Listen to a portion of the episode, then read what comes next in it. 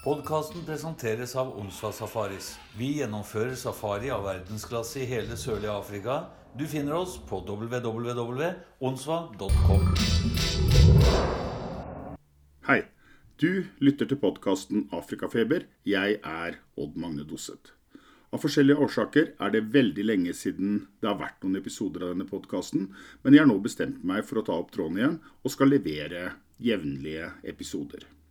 Temaet skal være det sørlige Afrika, og spesielt Sør-Afrika-republikken, der jeg er bosatt og driver safariselskapet Onsva Safaris sammen med sønnen min Thomas og hans samboer Michelle. Jeg skal prøve å dekke både nyheter, politiske forhold, historie og selvsagt natur og villmark. Jeg har også laget manus til en rekke episoder om afrikajakt i et historisk perspektiv. Fra flere tusen år tilbake, der det ble jaktet med primitive våpen for å skaffe mat og klær til familien, husholdningen, og til i dag, der jakt er en egen industri og et viktig element i vår naturforvaltning.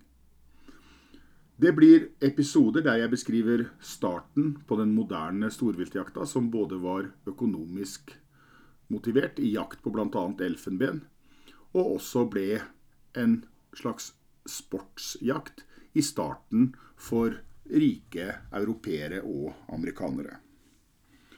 Jeg vil ha egne episoder om kjente storviltjegere som Fredrik Selu og Karayomo Bell. Det er også på gang et manus til en episode om Ernst Hemingway og hans jakt- og villmarksopplevelser. Og der holder jeg på å oversette én av Hemingway sine jaktnoveller til norsk, for å lese inn den som en egen episode. Videre blir det litt om kjente personers safarier i Afrika, der bl.a. det britiske kongehuset er representert ved prins Albert. Ekspedisjonen til den kommende presidenten i USA på den tida, Franklin D. Roosevelt, i 1909-1910, har jeg også mye stoff på. Et norsk innslag er Knut Dahl, som i 1893 jakta i Afrika på den norske stats regning for å skaffe trofeer, utstillingsobjekter, til Zoologisk museum. Men nå gjør vi klart for dagens episode, der vi skal gå flere tusen år tilbake i tida, holde oss i det sørlige Afrika og se på hvordan den originale, opprinnelige afrikanske urbefolken drev sin jakt. Vi starter med sanfolket.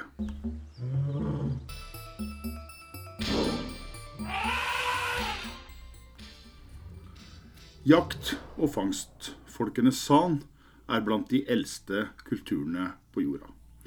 Og antas å stamme fra de første innbyggerne i det som nå er Namibia, Botswana og Sør-Afrika. De er av samme genetiske opphav som koi, og samlebegrepet koi-san blir ofte brukt. Koi-folket levde i større samfunn med flere familier på et bestemt geografisk område, og drev med husdyr og jordbruk. San-folket derimot var tradisjonelt seminomader og bevega seg i små familiegrupper sesongmessig innenfor bestemte områder, basert på tilgjengeligheten av ressurs, ressurser som vann, vilt og spiselige planter. Khoisan-folket var de som på 1600-tallet ble kalt for buskmenn og hottentotter av europeiske kolonister. Khoi var hottentottene og san buskmennene. Som sagt er dette en av de eldste kulturene på jorda, og dermed i det sørlige Afrika. I dag regner man med at det eksisterer ca. en halv million khoisan-folk, der de fleste bor i Botswana. Det som vi i dag ser som svarte i det sørlige Afrika, er stammer fra immigranter fra lengre nord i Afrika, ca. årtusen etter Kristus. De såkalte bantu-vandringene. Det er disse immigrasjonene stammer som Kosa, Wenda, Shangan, Sutu og Zulu stammer fra. I et historisk perspektiv er det viktig å merke seg at disse stammedannelsene er av relativt ny dato. Som et eksempel ble Zulu-nasjonen danna først på begynnelsen av 1800-tallet, da king Shaka la under seg flere mindre stammer med bruk av militærmakt. San-folket skiller seg fra bantu på flere måter. San er mindre av vekst, lyser i huden, nesten litt mer gulaktige, og har et helt eget klikkespråk som skiller seg fra både bantuspråkene og alle andre språk i verden. Det er kommunikasjon ved hjelp av noen snodige klikkelyder. Tilbake til sandfolket. Som sagt så levde de i små familiegrupper som nomader, og trakk etter naturressursene. De var i utgangspunktet monogame, men for en dyktig jeger som klarte å skaffe nok kjøtt, kunne han ta flere koner. Kvinnene fikk også sine oppgaver. Mens mannfolk jakta, samla kvinnene bær, frukter og annet til husholdningen.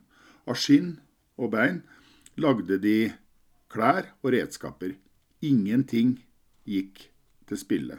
Over hele det sørlige Afrika kan man finne hulemalerier og graveringer, såkalte Bushman paintings.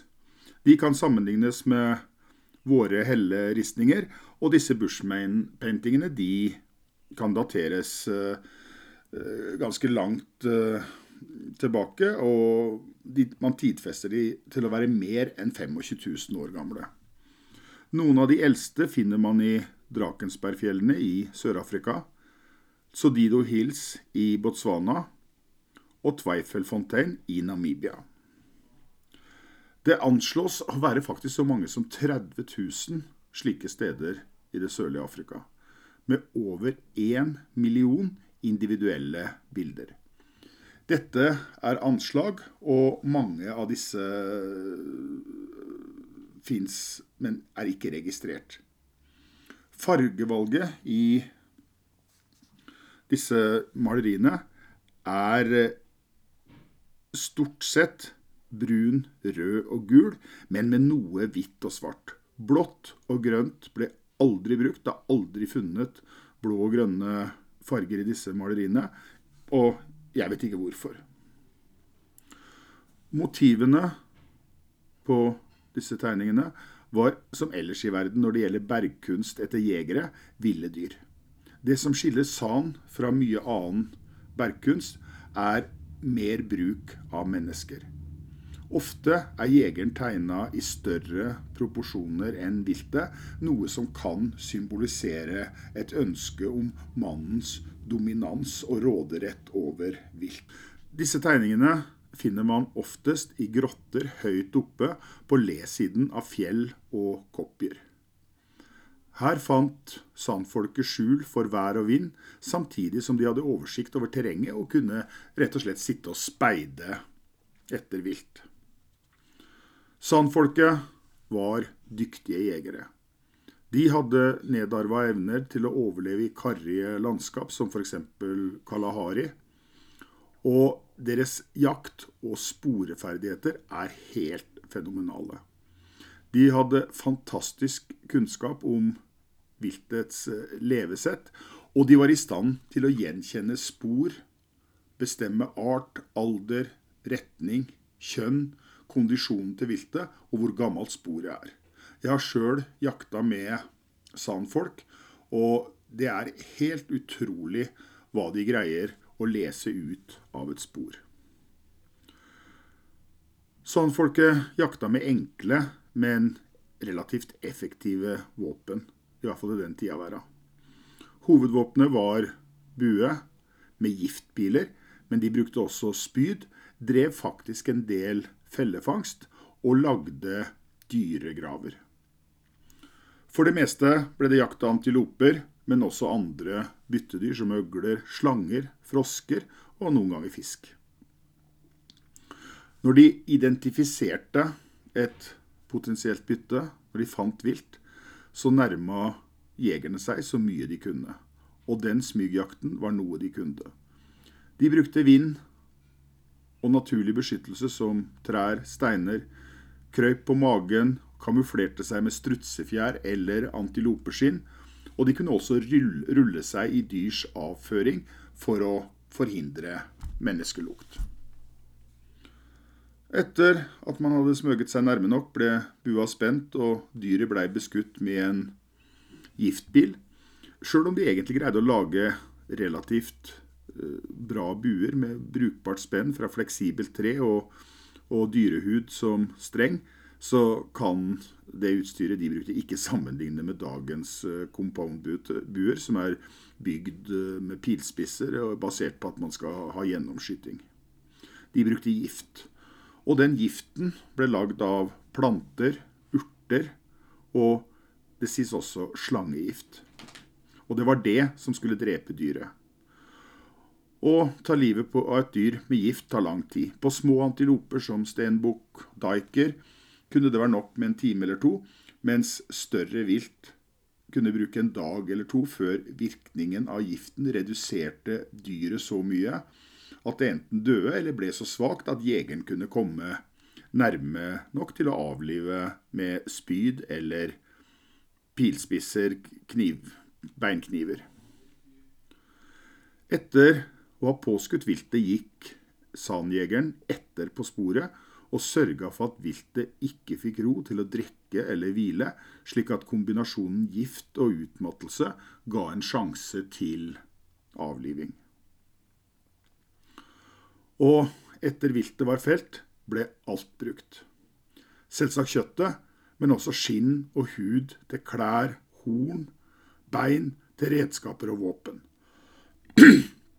Sanfolket drev jakt for husholdning og mattak, og det er lite som tyder på at de i det hele tatt var interessert i å jakte på rovvilt. Rundt årtusen starta de såkalte bantuvandringene. Det var innfødte svarte stammer fra det sentrale Afrika rundt ekvator som trakk sørover. Den første store sivilisasjonen basert på bantubefolkning man har spor etter, er i Mapungubwe, som ligger på grensen mellom Sør-Afrika, Botswana og Zimbabwe. De bosatte seg der ca. år 1050 og forsvant derfra ca. år 1220. Dette er tidfesta med arkeologiske funn. Og dette folket er antagelig forfedrene til shangan-stammen, som holder til relativt mye i Mosambik. Disse bantuvandringene de forandra mye i det sørlige Afrika. Både når det gjelder demografi og jakt. Bantuene kom i relativt store grupper, og de bosatte seg permanent i områder der det var godt med vann og beite for husdyrene de hadde med seg. Eh, blant annet så kommer det opprinnelige afrikanske kveget nguni fra disse vandringene. Det er altså okser, eh, storfe, som har eh, vært vant med å tåle afrikansk klima gjennom mange hundre år. At bantene bantuene bosatte seg i de mest frodige områdene som Vendaland, Zululand, Natalkysten, samt langs kysten av Eastern Cape, det endra forholdene til sanfolket. De fikk nå begrense sine områder til jakt og sin nomadetilværelse. De trakk nå mer inn i karrige omgivelser som Kalahari-ørkenen og inn i Botswana og Namibia. Bantu-folket drev med husdyr og planta åkrer, grønnsaker til husholdning, men de brukte også viltet som en kilde til mat og dyreskinn til klær. Men det kom også en ny dimensjon ved jakten når bantufolkene kom inn i det sørlige Afrika. Vi får nå faktisk forløperen til troféjakt og jakt som en slags sport i form av manndomsprøver, pluss at vi skal også se at det kommer et økonomisk motiv.